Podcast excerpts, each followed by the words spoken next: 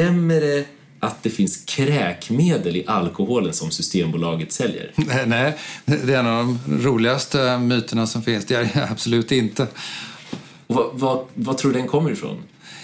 Ja, från någon slags föreställning om att myndigheterna vill få oss att dricka så lite som möjligt och att eh, det skulle vara ett sätt att lite eh, ja, lura oss att, eh, att alkoholen har de effekterna. Då. I think it's a disgrace that information that was false and fake and never happened got released to the public.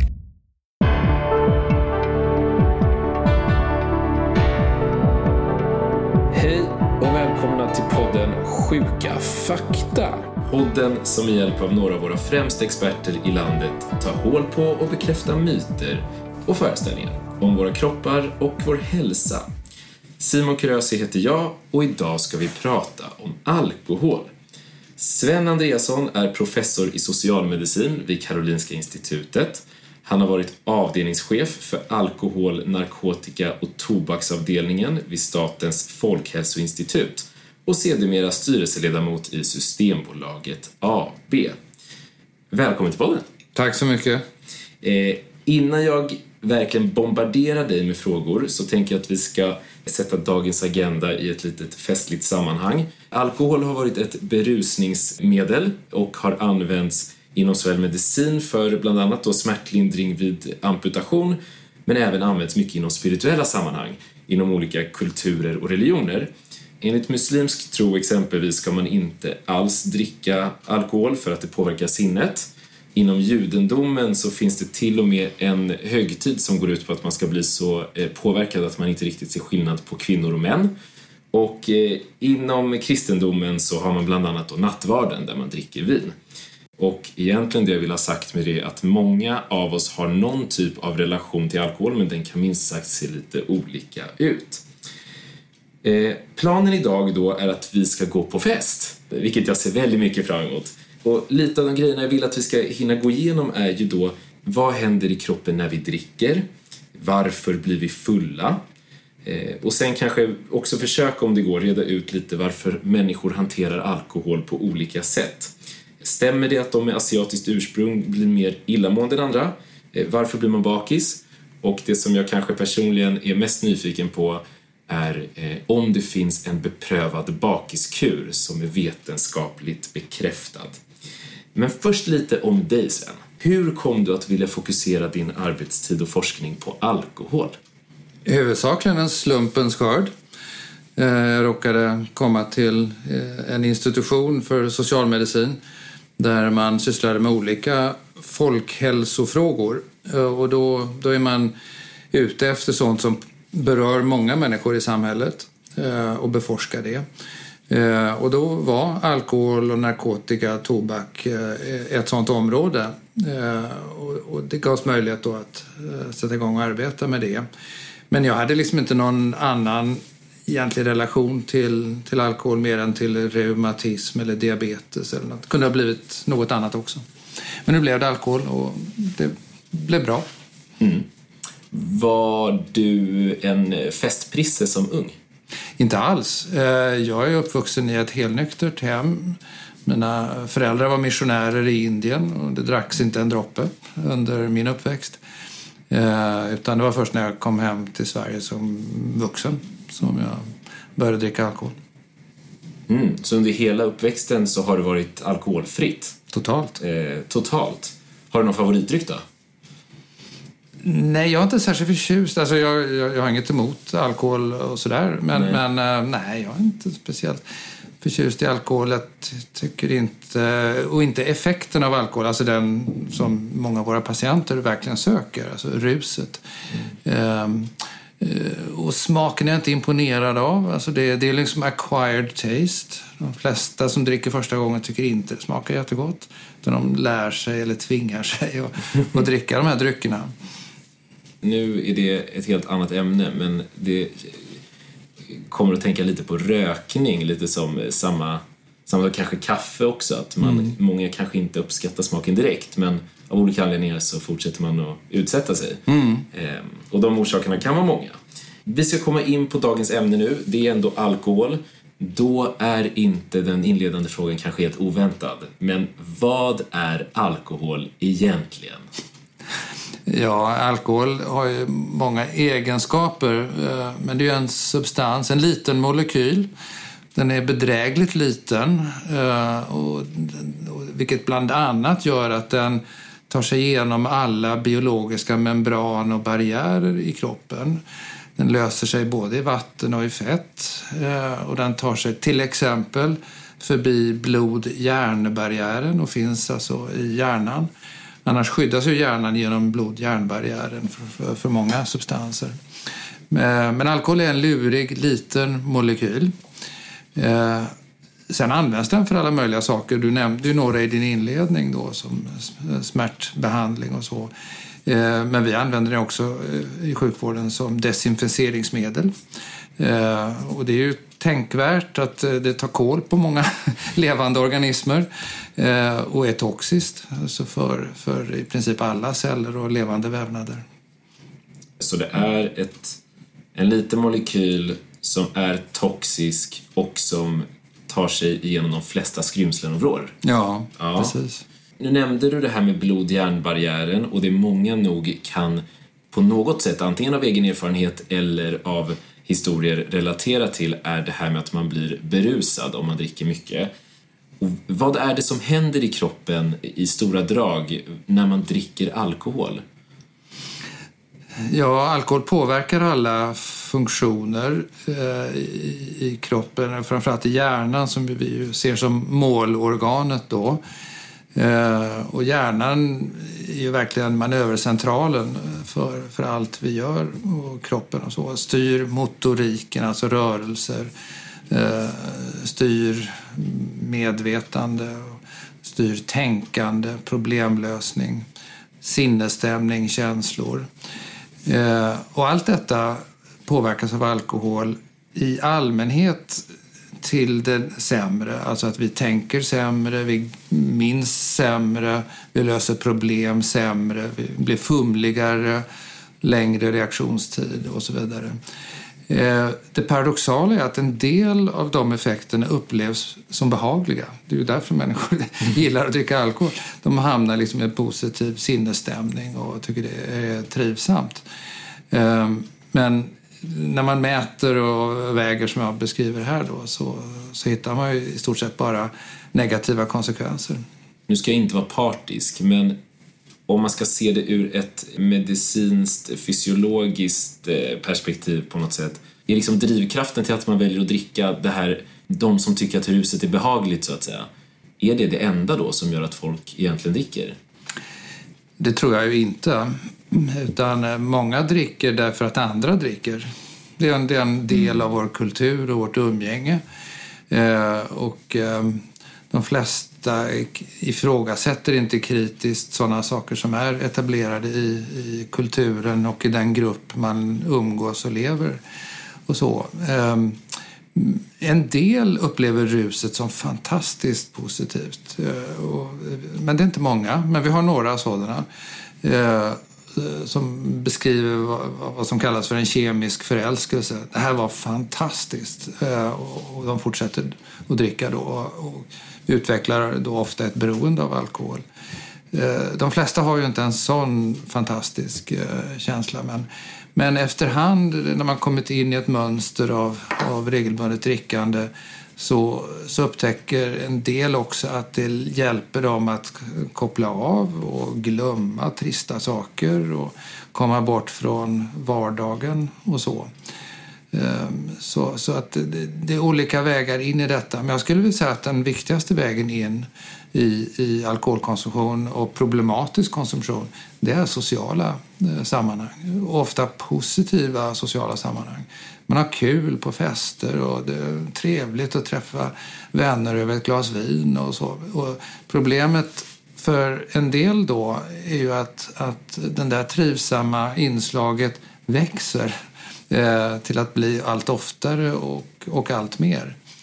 Eh, och till det bidrar troligen då att vi är, det finns ingen rättvisa i världen utan en del är ju mer sårbara i, i, i sin genetiska uppsättning och reagerar annorlunda på alkohol.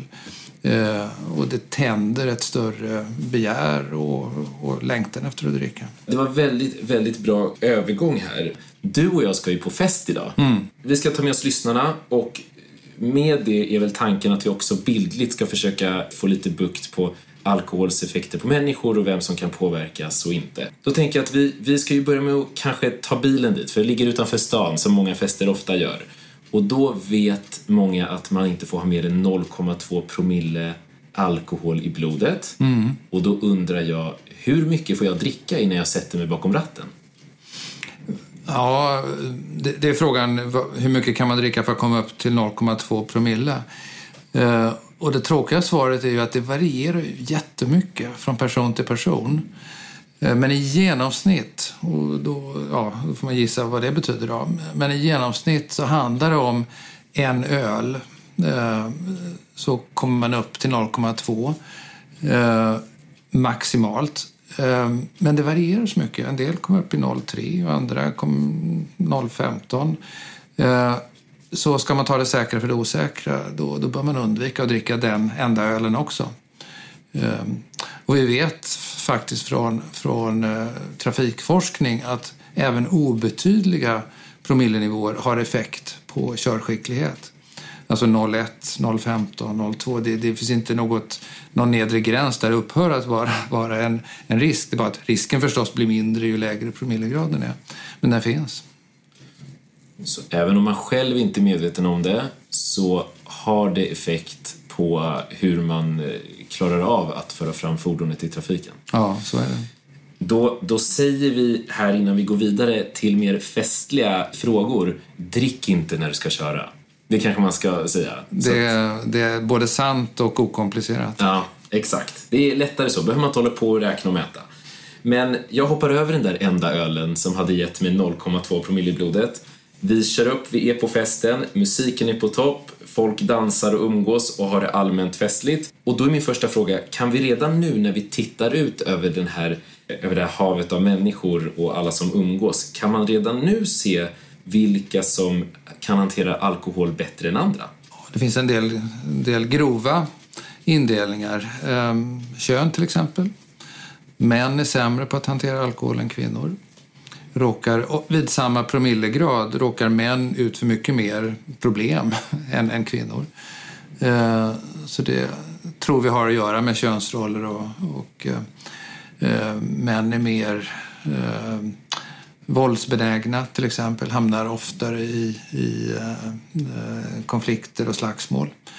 Råkar ut för mer olyckor också genom mer risktagande beteende. Då. Eh, så det är en väldigt handfast och enkel eh, indikator då, eh, på, på någon som är mer riskutsatt. Ålder spelar också roll. De som är mest riskbenägna är ju de yngre. Ehm,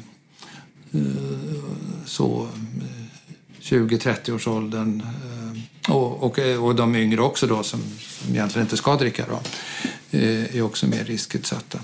Ehm, Sen spelar temperament och personlighet en viss roll. Så att, så mer utåtriktade sociala personer tenderar att dricka lite mer än andra också. Då ska jag eh, bara fråga, för ålder och kön och personlighet är eh, i alla fall inte helt okomplicerade att påverka själv. Ålder inte minst, men även de andra två.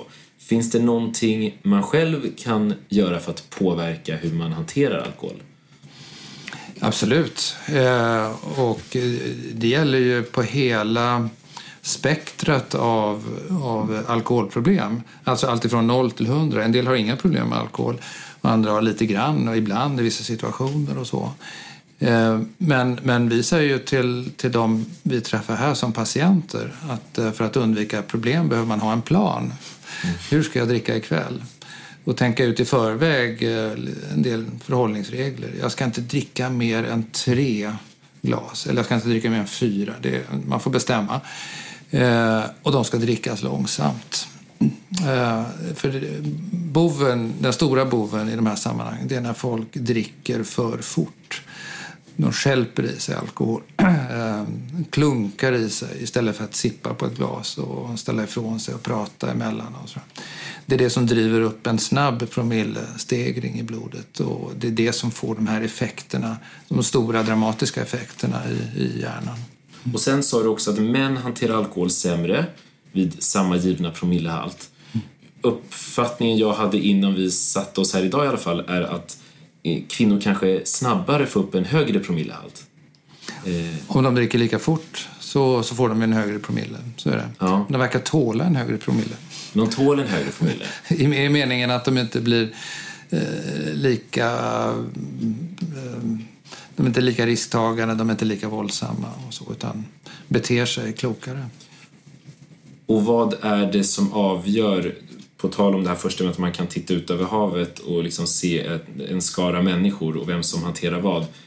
Män hanterar sämre vid samma promillehalt, men är det så att kvinnor vid samma mängd alkohol får upp en högre promille? Och varför är det i så fall på det viset? Ja, i, i huvudsak därför att de, har, de väger mindre. Kvinnor i allmänhet är ju mindre än män. Eh, och blodet har då en mindre volym att fördela sig i. Och sen har kvinnor lite annan fördelning mellan kroppsvatten och fett. Så, så de har förhållandevis mindre kroppsvatten än män. Eh, och det gör återigen att, att samma mängd alkohol ger en högre promille i den kvinnliga kroppen. Vi, vi lämnar det här att vi bara står och observerar från utsidan. Vi rör oss in på festen, eh, blandad skara människor och så finns det ett bord med ett antal människor med asiatiskt ursprung. Jag måste fråga, för att jag har hört det här men vill gärna veta hur det ligger till. Finns det någon sanning i att människor med asiatiskt, asiatiskt ursprung hanterar alkohol sämre? Ja, det finns ett korn av sanning i det. Eh, och det hänger ihop med att, att ehm, vi har ju gener som styr hur nedbrytningen av alkohol i kroppen. Eh, och vi har olika enzymer som bryter ner alkohol till acetaldehyd och sen i ett nästa steg till koldioxid och vatten. Eh, och de generna är, har lite olika varianter. Och det finns då ineffektiva varianter eh, där den här nedbrytningen går väldigt långsamt. Och, och det gör att man får en ansamling av den här mellanprodukten, acetaldehyd Eh, som normalt ska brytas ner omgående till koldioxid och vatten. För acetaldehyd är toxiskt, det är väldigt giftigt. Och en, en hel del av, av alkoholens hälsoeffekter beror på acetaldehyd. Ehm, men då, då finns det då eh, genetiska varianter med ineffektiv nedbrytning och ansamling av cetaldehyd. Och då blir det, är som en antabuseffekt. Alltså man mår illa när man dricker alkohol. Man blir röd i ansiktet, man får hjärtklappning och, och eh, mår illa. Ehm, den den varianten är vanligare i, i vissa länder och, och framförallt i Sydostasien. Nej, inte Sydo, ja, Sydostasien, Japan, Korea. Ehm, men i, storleksordningen 25-30 procent av, av befolkningen har den, den varianten. Men den finns i vår befolkning också, fast i lägre andel. Ehm, I Europa är det ungefär 5 procent som har den varianten. Eh, och det gör att man, eh, man mår illa av att dricka alkohol. Man tvingar sig ibland ändå att dricka därför att det är socialt önskvärt. Va? Eh, och det ser vi också i de här länderna i Asien att man dricker nästan lika mycket alkohol i de länderna som i, i våra.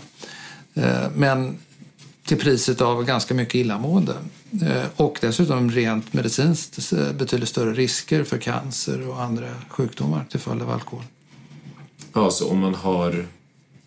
Så den här liksom mellanprodukten, om man har den ansamlat över tid längre så är det förenligt med ökad risk för cancer? Ja, bland annat. Ja. Så är det. Mm. Betyder det, för du nämnde antabus. Antabus är ju en medicin som man kan ge till de som dricker mycket alkohol för att dricka mindre för att man framkallar illamåendet. Mm om någon väljer att dricka medan de äter antabus, det här är ju ett sidospår, mm. men det, är det samma effekt då ja. som någon som är ja. väldigt känslig? Ja, faktiskt. Så att man, man kan dricka alkohol men man blir gruvligt sjuk. Eh, spyr och huvudvärk och hjärtklappning. Och väldigt, väldigt obehagligt. Så att det utsätter man sig ogärna för. Men en variant av det är vad som händer naturligt i de här länderna där, där den här genetiska varianten är vanligare. Mm. Jobbigt, men då kanske man många gånger eventuellt väljer att avstå eller att dricka lite mindre. Så är det. Så att i, i de fallen där, där man har det här anlaget, då, då dricker man ju mycket mindre. En del, som jag sa, en del tvingar sig ändå att dricka en del mm. för att vara med i det sociala livet. Men de har betydligt lägre alkoholkonsumtion och till följd av det också betydligt lägre hälsoproblem. Vi rör oss vidare in och kom in i köket. Här ser vi några som dricker shots och det är lite blandat killar tjejer då. Olika ålder, olika längd och det hetsas och hejas på. Och vid matbordet så sitter tre gäster och dricker rödvin. Och på frågan om varför de har fem flaskor rödvin framför sig så säger de att de bara dricker rött och inget annat. Dels för smakens skull men också för att det är bra mot hjärt-kärlsjukdomar. Stämmer detta? Mm. Det är en omtvistad fråga. Och man kan omedelbart säga att om de har fem flaskor då, då, då vinner de inga fördelar hälsomässigt. Så att även de som tror på en skyddande effekt av måttlig alkoholkonsumtion tror inte på någon skyddande effekt om konsumtionen inte är måttlig. Så att, så att eh, den här skyddande effekten den övergår i en ökad risk om man dricker mycket. Och även om man har ett eh, vad vi kallar för binge drinking-mönster, det vill säga dricker mycket på en gång och sen ingenting och sen mycket igen. Eh, det är också förenat med ökad hjärt-kärlsjukdom och även det är okontroversiellt, även bland de som, som tror på, på en skyddande effekt av måttligt drickande. Men det som har hänt i, i, i den internationella eh, forskningen det är ju en, en tilltagande skepsis över om det där faktiskt stämmer om det verkligen finns en skyddande effekt vid, vid måttlig konsumtion. Mm. Eh, och man kan, om man är välvillig kan man säga att the jury is still out i den frågan. Eh, men för 20 år sedan så var det ju inte så. Då trodde ju alla på det. Eh, så att det har hänt någonting. Och vad som har hänt är att man har blivit mer kritisk i sin granskning av de studier som har gjorts internationellt eh, epidemiologiska studier där man tittat på stora grupper som man har följt över, över lång tid eh, och konstaterat att, att det finns en rad metodproblem i de studierna. Eh, och där man har haft svårigheter i att klassificera människor till att vara verkliga helnykterister Eh, till att vara väldigt försiktiga, dricka en gång om året typer och, och, och, och skilja bort, eh, skilja ur de som tidigare har druckit men som slutat. Eh, det där spelar jättestor roll för, för hur man uppfattar grupper som dricker lite grann. Ehm, och på samma sätt har man andra faktorer i bakgrunden som kan påverka Eh, som vi kallar då för störfaktorer eller confounders. Eh, och det är väldigt svårt att kontrollera för allt det. Därför att i slutändan det som påverkar hjärt-kärlsjukdomar det är ju en hel katalog av förhållanden. Sociala relationer, matvanor, fysisk aktivitet, andra läkemedel och så vidare. och så vidare. Så ska man göra en studie som ger ett slutgiltigt svar på den frågan då måste man ha med ett hundratal då bakgrundsfaktorer. Eh, och det är väldigt svårt att göra, göra sådana studier på ett invändningsfritt sätt. Och det är det man gradvis har eh, fått upp ögonen för. Okej, så de, de får dricka sina fem flaskor men de ska inte tro att det kommer att eh, förbättra deras hjärt-kärlhälsa. Fast den vanligaste uppfattningen är ju att ett och två glas skulle vara det okej. För, för de flesta håller ja, med om att... Nej, men att, mm. ja, men att då ändå omtvistat med låga mängder eller låga, eh, ja, låga mängder mm. rödvin. Mm. Precis, det är det som den här debatten har, har gällt. Inte det kraftiga drickandet utan måttligt drickande är bra för hjärtat. Det sa min hjärtdoktor. Det är liksom en vanlig uppfattning eh, och som har spridits medialt eh, och väldigt många människor har nåtts av det budskapet.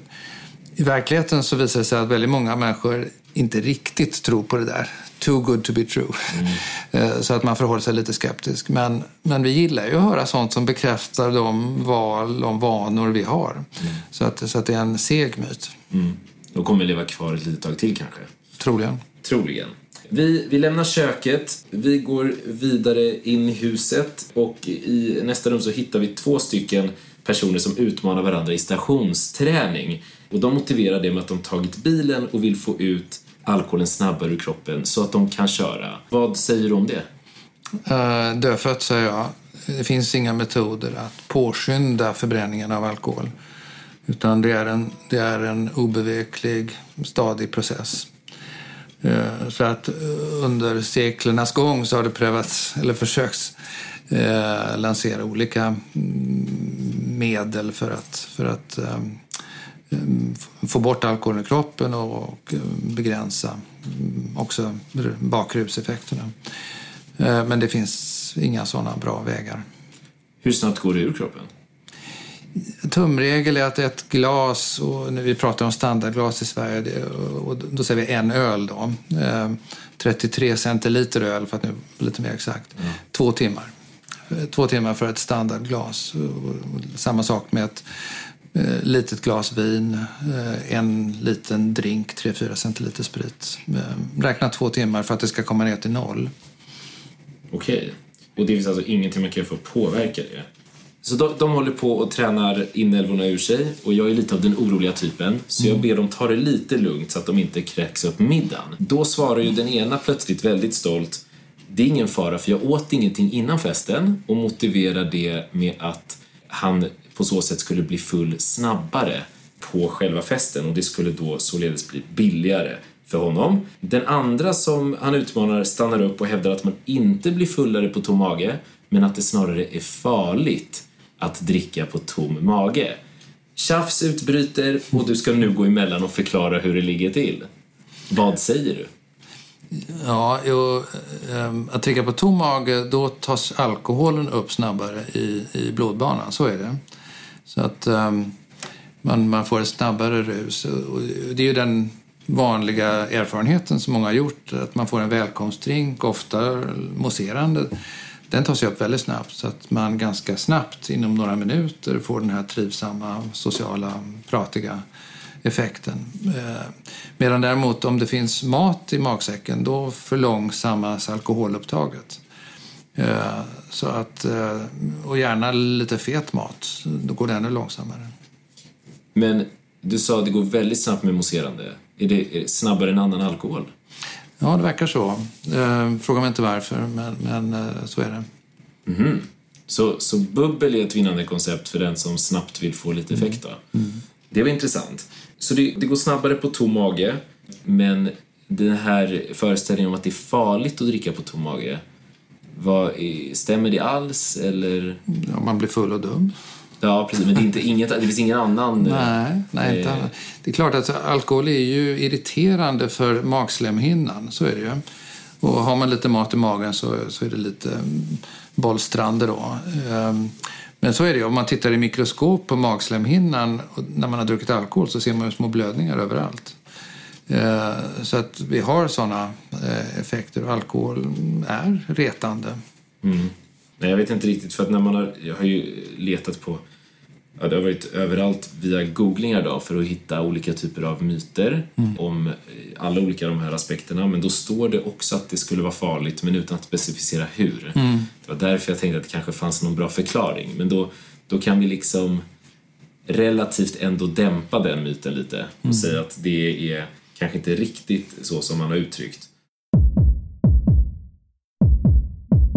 Nu börjar klockan bli mycket, jag börjar bli trött och föreslår att vi lämnar festen. Vi plockar med oss de här två som du har förklarat det här så pedagogiskt mm. för. Mm. Så de har blivit sams igen och i baksätet då så börjar de prata om fyllekäk. Vilket då helt enkelt är att äta när man är påverkad av alkohol. Och inte helt ovanligt att det sker mot festkvällens slut för de flesta då. Och en av våra medpassagerare är sugen på något flottigt och salt och hävdar att det är väldigt bra mot morgondagens fruktade bakfylla. Ligger det någon sanning i det? Nej. Ingen alls? Ingen alls. Så är det. Så att, så. Äh, åter, alltså, återigen, det finns ma massa idéer om hur man kan dels påskynda förbränningen, dels eh, bota eh, de effekterna man får, alltså baksmälla. Eh, inget av de här knepen har letat sig in i någon vetenskaplig litteratur och testats och befunnits vara effektivt. Men du nämnde innan att om man äter någonting och gärna lite fet mat innan man dricker, då går det ut långsammare. På något sätt ändå en bromskloss får man ändå tolka det som, så att inte promillehalten blir lika Ja, hög. ja. Men när man väl har druckit, då menar jag då, då gör det ingen skillnad. Nej. Nej, just det. Det, det. det första är ju att man, blir, man, man får inte den här akuta berusningseffekten genom att upptaget blir långsammare. Men, men så småningom så tas ju alltihop upp i alla fall. Eh, Bara att det sker lite längre ner i mag-tarmkanalen. Eh, Så att man får inte en dramatisk effekt. Men sedan är förbränningen densamma.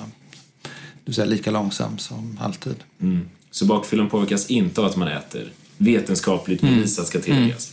Vad är bakfylla eller baksmälla? Vad, vad är det för något? Eh, förgiftning på svenska. Eh, Man har förgiftat sig med en toxisk substans.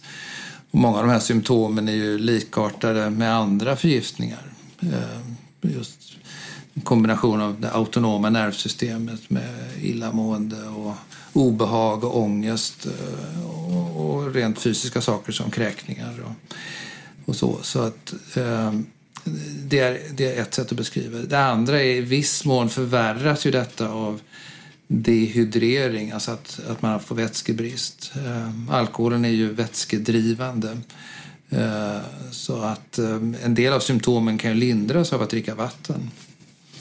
Eh, och, det, och det är också en bra anledning till att eh, tillämpa varannan vatten när man dricker. Alltså att få ner eh, promillestegringen men också få i sig vätska.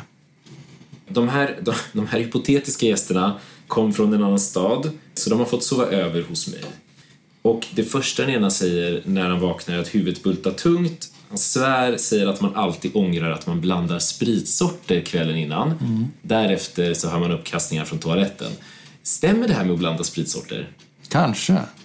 Eh, eh, jag, det, detta är inte mitt specialitetsområde på något sätt men, men det verkar som att eh, vissa, vissa spritdrycker är mer mm, benägna att framkalla huvudvärk. Möjligen andra negativa effekter också. Och att vissa drycker också är mer benägna att utlösa allergiska reaktioner och obehag. Så det finns eventuellt en liten sanning i det. Eventuellt. Ehm, den ena av våra två vänner som följde med valde ju att dricka dels på tom mage och sen då sedermera inte äta något efteråt. Och den andra valde att äta innan och äta efter festen. Vilket vi då nu har lärt oss innebär att den som har ätit innan inte kommer få en lika hög peak av promillehalt och allting kommer vara mer utslätat vad gäller upptaget i kroppen. Kommer man kunna säga att en av de här blir mer bakfull?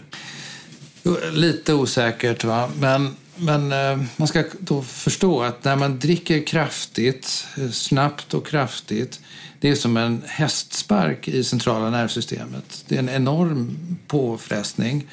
Och vad som händer är ju att man får liksom en kaskad av neurotransmittorer och hormoner och reglermekanismer som, som eh, verkligen påverkas eh, och blodtrycket åker upp och ner.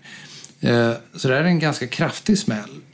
Eh, och ju mindre av det vi åstadkommer desto, desto större är sannolikheten att vi mår bättre. Eh, alltså vi undviker de här värsta konsekvenserna.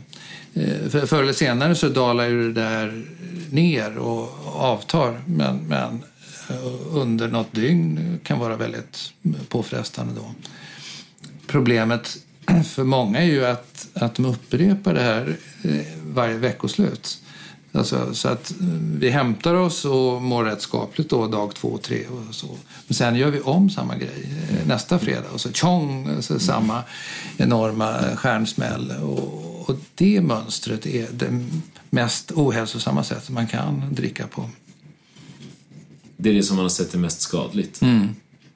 Både på kort sikt och på lång sikt. eller? Faktiskt. Det, det ökar risken för en rad eh, kroppsliga sjukdomar. Hjärt-kärlsystemet mår inte bra av det där i längden.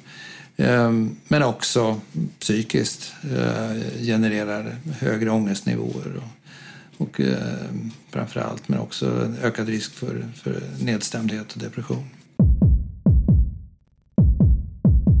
Vår illamående kompis kommer ut ur toaletten. Uppkastningarna är klara. Det fanns eventuellt en liten sanning i det här med att blanda spritsorter som kan ha förvärrat det hela. Och nu slänger han ju ett vädjande öga på mig. Vi nämnde ju det lite innan. Men jag tog ju med alkoholprofessorn på fest igår varför jag med största sannolikhet då eh, måste sitta inne på eh, hemligheten bakom den perfekta bakiskuren. Mm. Du nämnde att det inte finns någon tydlig evidens. Men ändå finns det ju väldigt många som upplever att det finns, det finns ju väldigt många huskurer mm. som folk upplever har varierande effekt. Beror det på någonting annat än att man vätskar upp då och kompenserar för vätskeförlust och saltförluster? Eller? Nej, det är nog det. Utan, eh, och, och, och det, det, det, är den behandlingen som är helt symptomatisk alltså. Eh, eh, vätskeersättning och vanliga huvudvärkstabletter. Ja, det är inte svårare än så. Nej. Nej. Och resten får man göra som man vill, kanske? Resten är väldigt tveksamt om det spelar någon som helst roll. Nej. Mest kanske bara för samvetet och för själen. Ja, om man tycker att det är... Och för vissa företags profit. Just det, exakt. Jag ska inte nämna några exempel här för det är smygreklam, men absolut. Det finns de som har gjort sig några kronor på sånt också. Eh, då svarar jag ju då vår kompis att det inte finns någon bakiskur som är vetenskapligt beprövad, men att han efter eget smak och tycke får välja huskur efter, efter önskemål. Då svarar han, ja, då får det bli en återställare istället mm. för att snabbt lindra den här bakisångesten inom citationstecken. Mm. Vad är en återställare? Eh, det är ju då ehm, vårt sätt att eh, återvända till den promillenivå som vi eh, har vant oss vid. Så att det, är ett, det är ett mycket tydligt tecken på en ganska avancerat beroende av alkohol. Andra personer tar inte återställare. Utan man blir abstinent eller bakis eh, när man inte längre har den promillenivå man har vant sig vid. Det är människor som då dricker mycket jämt. När de abrupt slutar dricka, då får de abstinens. Medicinsk abstinens med alla de här symptomen. Och den botas jätteeffektivt av att dricka mer alkohol. Men för vanliga drinkare, alltså du och jag och de flesta vi känner, där är ju inte tal om några återställare. Det är det sista man vill göra, dricka alkohol. Eftersom man mår så fruktansvärt dåligt så vill man inte dricka alkohol. Eh, så det är liksom en vattendelare mellan de som är beroende av alkohol och de som inte är det. Den beroende, där blir återställaren bokstavligen en återställare till, till att eh, må och fungera bra. Det låter som att det här också är någon typ av definition, eller ett sätt att också definiera eller kategorisera lite vem som är beroende och inte. Ja. Men finns det de som inte dricker på det här sättet och har den här tydliga beroende, beroendekonsumtionen som kan bli hjälpta av att dricka alkohol dagen efter? Eh, de som inte är beroende? Ja. Nej. nej. Inte? Nej. nej. nej eh, tvärtom. Man, man mår bara sämre om man dricker alkohol i det läget. Alltså. Mm. Är bakis och mår pyton och, mm. och, och, så häller man alkohol på det. Nej, det nej. Mm. Ja, då, ska vi, då avråder vi vår fiktiva kompis här från att ta denna. Nu har vi pratat med vår fiktiva kompis ett tag. Då flyger den andra upp ur soffan som har fått sova fram tills nu och pigg och glad uttrycker stolt att eh, hon aldrig blir bakis. Finns det de som inte kan bli bakis? Mm, eh, ja, bokstavligen inte kan vet jag inte, men det finns en enorm variation. Och en del har en medfödd hög tolerans för alkohol och, eh, och undviker många av de här symptomen som de flesta får eller drabbas av eh, när de dricker lite för mycket. Så att eh, några är faktiskt av födsel ohejdade vana, eh, har förmågan att kunna dricka utan att få den typen av reaktioner. De har dock ett problem. Och det är att de, de saknar helt enkelt känselspröt som de flesta människor är utrustade med. Och, och ehm, eh, vis av erfarenheten så tar ju de, de flesta människor det lugnt med alkohol efter att ha varit med om de här tråkiga konsekvenserna. Om man inte får den typen av reaktion från kroppen säger ifrån, det här var för mycket, låt bli, eh, utan fortsätter dricka på samma sätt. Eh, det är mycket större risk att de kommer in i ett beroende. Eh, helt enkelt därför att de inte upplever de här effekterna. Så den som lite stolt och glatt gång på gång poängterar eller upplever att de inte blir så påverkade som deras gemene vänner kanske som de är ute med ska kanske vara extra uppmärksamma Just det. egentligen. Just det. De, de har en högre risk.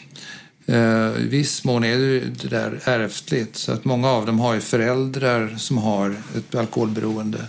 Mm. Och där det finns en genetik, att man är mer, mer benägen att eh, överföra de här generna över generationerna. Eh, så absolut, det är, det är en kraftig varningssignal. Ja, bra, bra input nu, nu är ju båda de vakna, så nu sitter vi alla runt frukostbordet här. Då har vi lite huvudvärkstabletter och lite vätskeersättning och vatten för att återställa vätskeförlust och elektrolyt, då saltbalans. Och så frågar jag om de har sovit bra. En svarar fantastiskt, älskar att sova när det snurrar till lite i huvudet. Och den andra har sovit fruktansvärt dåligt. Mm. Och då undrar jag på ämnet alkoholsömn hur ser det ut på den fronten? För vissa verkar ju nästan uppskatta att sova lite smått berusade och påverkade och vissa tycker att det är det värsta som finns. finns det, sover man bättre? Vad finns det för forskning på det här området? Ja, den vanligaste reaktionen är att man somnar, somnar lättare när man har druckit. Eh, men att sömnen blir oroligare. Eh, och att, eh, återigen, det finns jättestora variationer Eh, på detta, hur, hur vi individuellt reagerar. Men det typiska det är att man somnar lättare när man har druckit men man tenderar att vakna mer under natten. Eh, och delvis är det en, en abstinenshistoria, alltså att man reagerar när alkoholen går ur kroppen, svettas lite, lite hjärtklappning och vaknar då och känner sig illa till mods. Eh, och sover oroligt. Så att man vaknar mindre utsövd nästa dag. Sämre sömnkvalitet. Sämre sömnkvalitet. Men då kan man tänka sig att... Eller min fråga är väl snarare om det kan ligga något i att de som somnar snabbt kanske upplever att de sover jättebra för att de somnar just snabbt. Mm. Och sen någon annan kanske vaknar några fler gånger i snitt under natten och tycker att det därför är väldigt dåligt. Då. Kanske. Jag vet inte. Nej, det är svårt att veta hur mycket man kommer ihåg också. Ja. Ehm, ehm, men när man gör mätningar och följer folk i sömnlaboratoriet så kan man se de här mönstren då. Ehm, mer av uppvaknande. Och det är ganska vanligt bland, bland våra patienter som kommer till en sån här mottagning att de beskriver eh, stora, ganska betydande sömnsvårigheter. Du nämnde det här med att det är svårt att komma ihåg och det tar oss, in, det tar oss osökt in på det här sista vi ska lyfta lite snabbt innan vi tackar för den här historien. Och det är att vi försöker prata med de här två om gårdagskvällen mm. och det framkommer att det verkar finnas lite luckor i historien. Det här med alkohol och minnesluckor är ju någonting som många antingen har erfarenhet av själva eller som man vet existerar i alla fall. Och då undrar jag, vad är det egentligen som händer i kroppen när man får en minneslucka och hur kommer det sig att vissa upplever att de får det ofta och andra aldrig? Mm. Ja, alkoholen, som jag sa inledningsvis, påverkar i princip alla hjärnans funktioner. Eh, och en är ju minnet. Eh, och eh, det speciella med minnesluckor det är ju att under kvällens lopp, när man umgås och pratar med varandra, då förefaller man vara en del i samtalet och folk märker inte något särskilt. Men man själv kommer inte ihåg ett smack. Eh, det är som att bandet är avklippt. Eh, och det ger upphov till ganska eh, stort obehag. Va? Man kommer inte ihåg vad man har sagt. Har man, har man gjort någon uppgörelse? Har man kommit överens om något? Har man, och så vidare. Eh, eller har man gjort något eh, genant, eh, betett sig illa. så, så, det är en väldigt obehaglig upplevelse. Som, som för många också markerar, liksom, det är en allvarlig varningssignal att man är på väg in i, i ett beroende av alkohol. Det behöver inte vara det, men det, det är det för många. Och det är vanligast bland unga människor och tenderar att hända när man har druckit fort. Jag pratar om det här med den snabba promillestegringen eh, som, som är eh, den stora boven i sammanhanget. Och, och det är troligen den som också förklarar eh, varför minnescentrum slås ut på det här sättet. Eh, men alkohol har, har en allmän effekt på minnet, inte bara den här dramatiska, mm, att det blir bara svart, utan, utan många beskriver också att de kommer ihåg lite i ett töcken, det är liksom lite grådimmigt och eh, fragment kommer man ihåg och så. Eh, så, så att det är en lite mer mm, subtil eller begränsad påverkan på, på minnesfunktionen. Jag förstår. Och det här med att du säger att det skulle kunna vara ett tecken på att man är på väg in i ett beroende. Min, min egen tolkning här och nu när vi sitter är att det låter som att någon som dricker en gång väldigt mycket kanske inte har lika stor risk att få minnesluckor. Kan det finnas någon sån koppling då? Kan man säga så? Eller det kan lika gärna hända första gången man dricker? Det kan det göra. Ehm, första gången man dricker så har man ofta väldigt låg tolerans och får mera, mera dramatiska effekter. Eh, men i allmänhet så är det ändå ett tecken på, på att man har druckit stora mängder under en längre tid. Eh, och ofta är det många som söker sig hit, de, de gör det ofta i anslutning till att, att det här har börjat dyka upp. Under det sista året så har det varit flera minnesluckor, säger de. Och det är väldigt oroande. Eh, obehaglig upplevelse. Just det, och då är det ju verkligen en varningssignal. Det är det. Ja. Vi, vi lämnar våra två hypotetiska vänner som först var osams och sen blev sams och allt vad det heter och ska försöka att bara sammanfatta lite katedralt vad vi har lärt oss idag från mm. inledningen. Så vi började med hantering av alkohol och det påverkas då av ålder, påverkas av kön, där män vid samma given promillehalt hanterar alkohol sämre och hamnar i fler problematiska situationer kan man säga. Däremot så har storleken också en betydelse där man, om man är större och har en större blodbana och större volym, då också följaktligen klarar av fler standardglas för att komma upp i en viss given promillehalt. Så det krävs mer alkohol för att komma upp till samma givna promille. Sen så var det någonting mer som eh, påverkade hanteringen, var vi inne på va? Personlighet. just det, personlighet ja. Personlighet också. Sen fanns det en, en viss sanning i det här med att folk med asiatiskt ursprung har svårt att hantera alkoholen. Det blir som en antabuseffekt, att man har svårt att bryta ner den toxiska mellanprodukten, eller vad man ska kalla det för, som ackumuleras i kroppen och man mår dåligt och kräks och eh, blir röd och eh, så vidare. Att träna påverkar inte förbränningen. Egentligen finns det inget som påverkar förbränningen av alkohol om man bränner ungefär ett glas öl, 33 centiliter, per timme. Per två timmar? Per två timmar. Bra. Bra att du... Så att sammanfattning mm. Per två timmar, 33 centiliter öl. Och inget man kan göra för att påverka det. Man får snabbare en hög promillehalt om man dricker på tom mage. Och det är för att det inte finns någonting som bromsar upp. Äter man någonting innan så går det långsammare och framförallt om man äter fet mat. Med det sagt så kommer mousserande att snabbare tas upp i blodbanan så man blir fullare snabbare av mousserande än andra alkoholhaltiga drycker.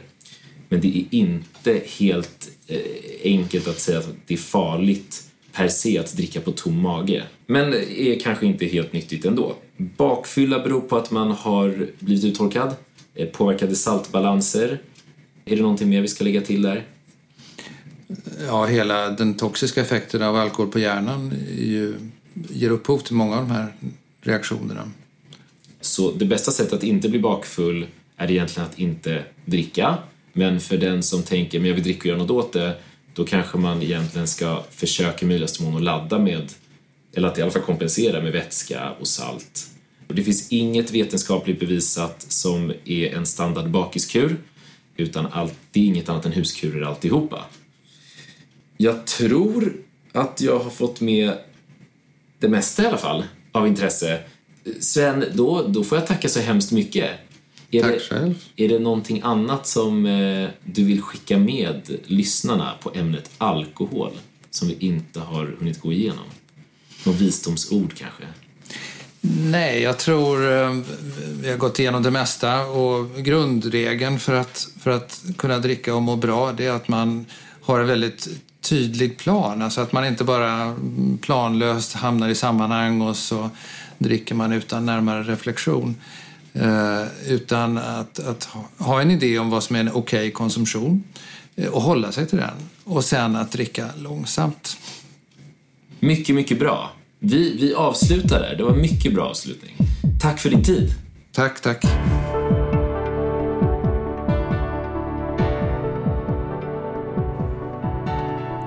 Stort tack för att du har kikat in och lyssnat på Myter om alkohol med mig Simon Krösi och dagens gäst Sven Andreasson. Och podden, ja, den heter fortfarande Sjuka fakta. Om du vill följa oss framöver så får du gärna prenumerera på podden och följa Instagramkontot som heter Sjuka fakta podcast. Vid önskemål om ämnen, gäster eller enskilda myter kan jag nås på kontakt sjukafakta.se. Må gott, stay safe och tro inte på allt du hör.